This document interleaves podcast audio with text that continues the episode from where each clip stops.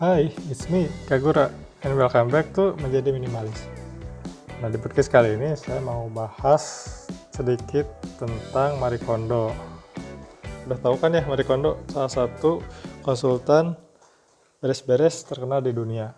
Bahkan ya, saking terkenalnya, kalau misalnya kita mau pakai jasa dia tuh, kita harus jadi waiting list untuk waiting list. Dan itu tuh harus nunggu tiga bulan loh. Apa ya, di acara YouTube dibilang katanya kata hostnya, oh ternyata di luar sana masih banyak ya orang yang berantakan gitu. Dan akhirnya pakai jasa beliau gitu. Nah itu sedikit gambaran dulu kalau sekarang tuh Marie Kondo punya bisnis konsultan beres-beres yang saya juga lagi coba untuk bangun. Saya bakal bahas sedikit aja sih Marie Kondo karena banyak bukunya. Bahkan ada yang paling baru tuh namanya tuh Joy at itu belum muncul jadi saya belum baca. Sebelum ngomongin ke teknik KonMari-nya, saya mau bahas dulu masa kecil Marie Kondo. Jadi, pas waktu Marie Kondo umur 5 tahun tuh, dia udah mulai suka dengan yang namanya beres-beres. For your information dulu, kalau dia tuh anak kedua dari tiga bersaudara. Biasanya kan kalau anak kedua dari tiga bersaudara tuh agak berat ya. Maksudnya tuh kita harus ngalah ke yang atas dan kita juga harus ngalah ke yang bawah ya gak sih? Biasanya suka jadi ya gitulah maksudnya kita harus kalah yang atas kita harus kalah ke yang bawah. Akhirnya mau nggak mau itu yang ngebuat Marie Kondo waktu kecil tuh ngelatih kemandiriannya gitu.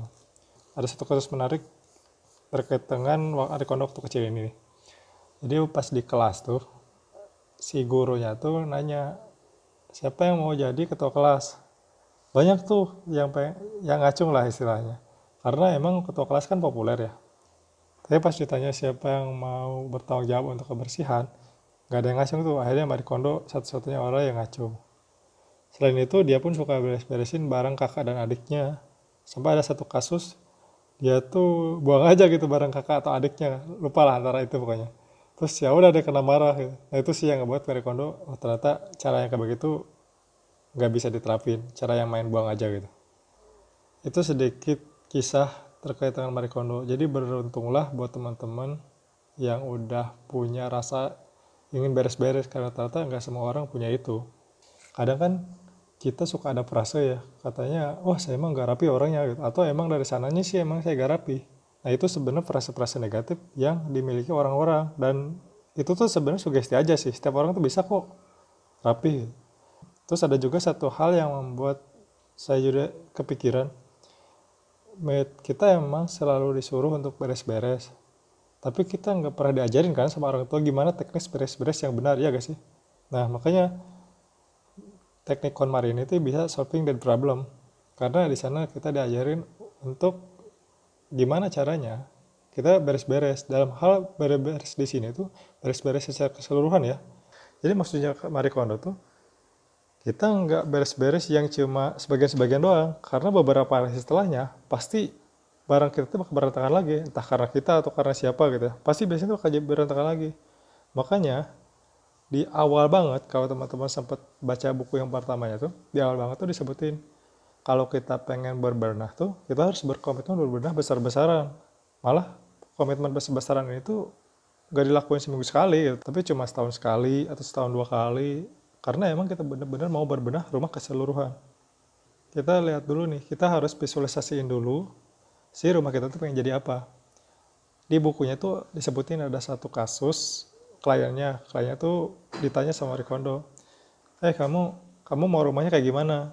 Terus si kliennya tuh bilang, saya pengen rapi dan tidak berantakan. Terus kata Marikondo, nggak bisa, kamu harus punya visualisasi ruang kamu tuh pengen kayak gimana. Akhirnya setelah berpikir lama, si klien ini bilang, oh saya pengen ruangan saya lebih feminis. Marikono nanya lah, emang ruangan feminis kayak gimana? Akhirnya dia jelasin lah.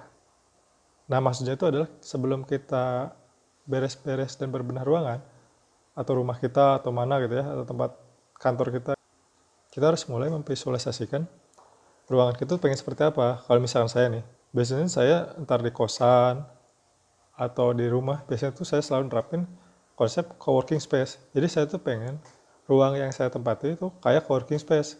Yang itu tuh rapi gitu. Tapi itu benar-benar ngebuat saya menjadi lebih produktif. Itu yang pertama. Yang kedua, kesalahan banyak orang ketika beres-beres tuh kadang orang tuh beres-beres berdasarkan lokasi bukan berdasarkan kategori nah misalkan gitu ya kita pengen beres-beres kamar mandi katakanlah ya udah kita kan suka beres-beres kamar mandi ya gak sih tapi ada aja gitu barang dari luar kamar mandi yang masuk. Nah makanya kata Marie Kondo kalau kita beres-beres jangan berdasarkan lokasi tapi berdasarkan kategori. Nah kategorinya apa aja? Yang pertama pakaian. Yang kedua buku. Yang ketiga tuh kertas-kertas. Yang keempat komono atau pernak-pernik. Yang kelima tuh sentimental things atau barang-barang kayak peninggalan atau barang-barang mantan. Kayak gitulah yang punya emosional khusus ini sesuai urutan ya. Yang di sentimental sentimental things ntar di akhir. Udah ya yang pertama tuh kita harus berkomitmen besar-besaran. Yang kedua kita harus visualisasiin pengen kayak gimana ruangan kita. Yang ketiga tuh kita harus berbenah berdasarkan kategori bukan lokasi. Mari kita ke teknisnya. Jadi teknisnya gini. Kalau kata Marie Kondo, sebelum kita beres-beres rumah, kita harus ngucapin dulu terima kasih ke rumah kita. Jadi ini sebenarnya yang kadang ngebuat heran para kliennya. Marie Kondo pas datang ke rumah tuh, dia pasti bakal bilang terima kasih rumah karena selama ini kamu telah memberikan banyak bermanfaat untuk saya dan izinkan saya untuk berbenah. Seolah-olah rumah ini tuh punya jiwa gitu loh. Dia punya jiwa jadi kita sayang ke dia kan. Karena kita sayang akhirnya kita mau mencoba untuk membenahi atau istilahnya beres-beres keberantakannya dia gitu. Itu yang pertama, yang kedua, barang-barang kita nih. Keluarin semua barang-barang kita yang termasuk lima kategori tadi ke satu tempat. Katakanlah di ruang tengah deh. Sampai barang-barang yang nggak kelihatan pun kita harus tarik. Barang-barang yang kita akui itu pun berat untuk dikeluarin, keluarin aja dulu. Pokoknya semua barang dikeluarin dan dikumpulkan di satu tempat. Nah udah gitu kita mulai nih kategori buku, eh kategori pakaian. Di pakaian tuh ada dua cara. Jadi kita mau buang atau mau simpan. Nah, gimana cara nge-filter ini? Kalau kata Marie Kondo tuh ini yang paling terkenal dari Marie Kondo tuh dia bilang selalu spark joy. Kalau misalkan barang ini ngebuat kita bahagia, kita keep. Tapi kalau barang ini ngebuat kita nggak bahagia, kita buang. Jadi kan ada nih beberapa barang yang biasanya tuh barang mahal kita tuh udah jarang pakai tapi mau dibuang pun susah gitu itu ada aja di di mana gitu ya misalkan disimpan di mana. Itu biasanya barang-barang kayak gini nih yang ngebuat kita tuh stres sendiri karena mau dipakai juga sayang mau dibuang apalagi gitu. Tapi dipakai pun selain sayang ya udah gak muat itu nah ini biasanya yang ngebuat stres. Jadi mau gak mau kita harus mengikhlaskannya karena hingga akhirnya kalau hubungin dengan minimalis ya dengan minimalisme hingga akhirnya kita harus mengikhlaskan barang-barang kita termasuk barang-barang yang kayak begini nih biasanya yang membuat kita nggak bahagia. Tapi kalau misalkan barang ini membuat kita bahagia ya udah akhirnya kita keep aja barang itu. Ini berlaku untuk lima kategori tadi ya yang buku yang pakaian yang berkas-berkas maksudnya kertas-kertas terus komono oh ya komono itu kayak pernak-pernik katakanlah kabel atau bros itu ya kalau perempuan. Atau barang-barang kecil-kecil pernak-pernik lah. Ini kita harus mulai uh, istilahnya tuh pilah lah mana yang membuat kita bahagia mana yang enggak. Kalau enggak ya sorry gitu. Sebelum membuang itu kita harus ngucapin dulu terima kasih. Misalkan gitu ya saya nggak buang. Biasanya tuh kalau cowok tuh katakanlah mouse nih. Mouse ini tuh udah nggak kepake. Karena saya udah punya bos baru kan. Dan mos karena mos lama tuh udah katakanlah rusak. Sebelum buang saya bilang dulu ke mos ini makasih mos karena selama ini kamu telah memberikan saya kebermanfaatan. Kamu telah menemani saya mengerjakan banyak proyek. Tapi maaf setelah ini kita harus berpisah. Terima kasih. Nah gitu. Jadi kita harus pakai teknik-teknik kayak gitu untuk mengikhlaskan. Terus kan ada pertanyaannya duh kalau misalkan kayak gitu kita jadi lebih berat gak sih nggak enggak justru kalau kita udah berterima kasih ke dia kita bakal lebih lega. Nah, termasuk yang barang sentimental. Nah, sentimental things ini yang biasanya tuh suka jadi problem juga karena berat. Kayak misalkan barang-barang peninggalan orang tua atau barang-barang peninggalan kekasih kayak gitu lah maksudnya barang-barang yang kayak begitu dia berat tapi mau nggak mau kita harus coba untuk letting go gitu mengikhlaskan barang-barang itu misalkan udah pilih ya kategori apa namanya pakaian mana aja yang buat kita bahagia terus apa namanya buku-buku mana yang mau buat kita bahagia? Kertas-kertas mana yang buat kita bahagia? Terus pernak-pernik mana yang buat kita bahagia? Dan juga benda sentimental things mana yang kita buat bahagia? Udah tuh kita keep. Nah kalau kata Marie Kondo kita harus punya box-box yang bersih. Dan itu biasanya yang dipakai untuk nyimpen barang-barang itu. Pakaian gitu ya. Oh ya untuk pakaian kata Marie Kondo sarannya adalah kita harus nyusunnya itu secara vertikal nggak horizontal. Karena itu akan mengurangi ruang buat si pakaiannya itu sendiri. Beda ya kalau misalnya kita nyimpen secara horizontal dan secara vertikal itu beda.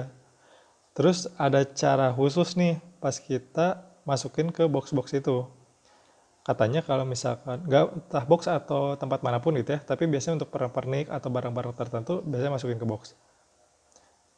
Nah e, untuk barang-barang yang kayak begitu tuh ternyata ada cara khususnya yang khas banget Marie Kondo katanya yang pertama kita nyusun itu sesuai dengan intensitas penggunaan kalau misalkan kita sering banget pakai itu berarti simpan di tempat yang paling gampang dijangkau terus katanya kita nyimpen barang itu sesuai dengan warnanya. Ini yang juga unik sih kalau kata saya. Soalnya saya nggak pernah kepikiran sih buat nyimpan kayak begini. Termasuk ini ntar apa namanya di aplikasi-aplikasi HP juga kayak gitu katanya. Nah misalnya udah dimasukin nih, udah deh. Sebenarnya sebenarnya nggak sesimpel itu sih. Pasti bakal berat prosesnya ya karena setiap kategori itu punya kategori lagi. Kalau dibaca bukunya bisa lebih lengkap, bisa dibaca. Tapi intinya untuk awalan deh saya buka itu dulu teknik KonMari yang diajarkan sama Marie Kondo.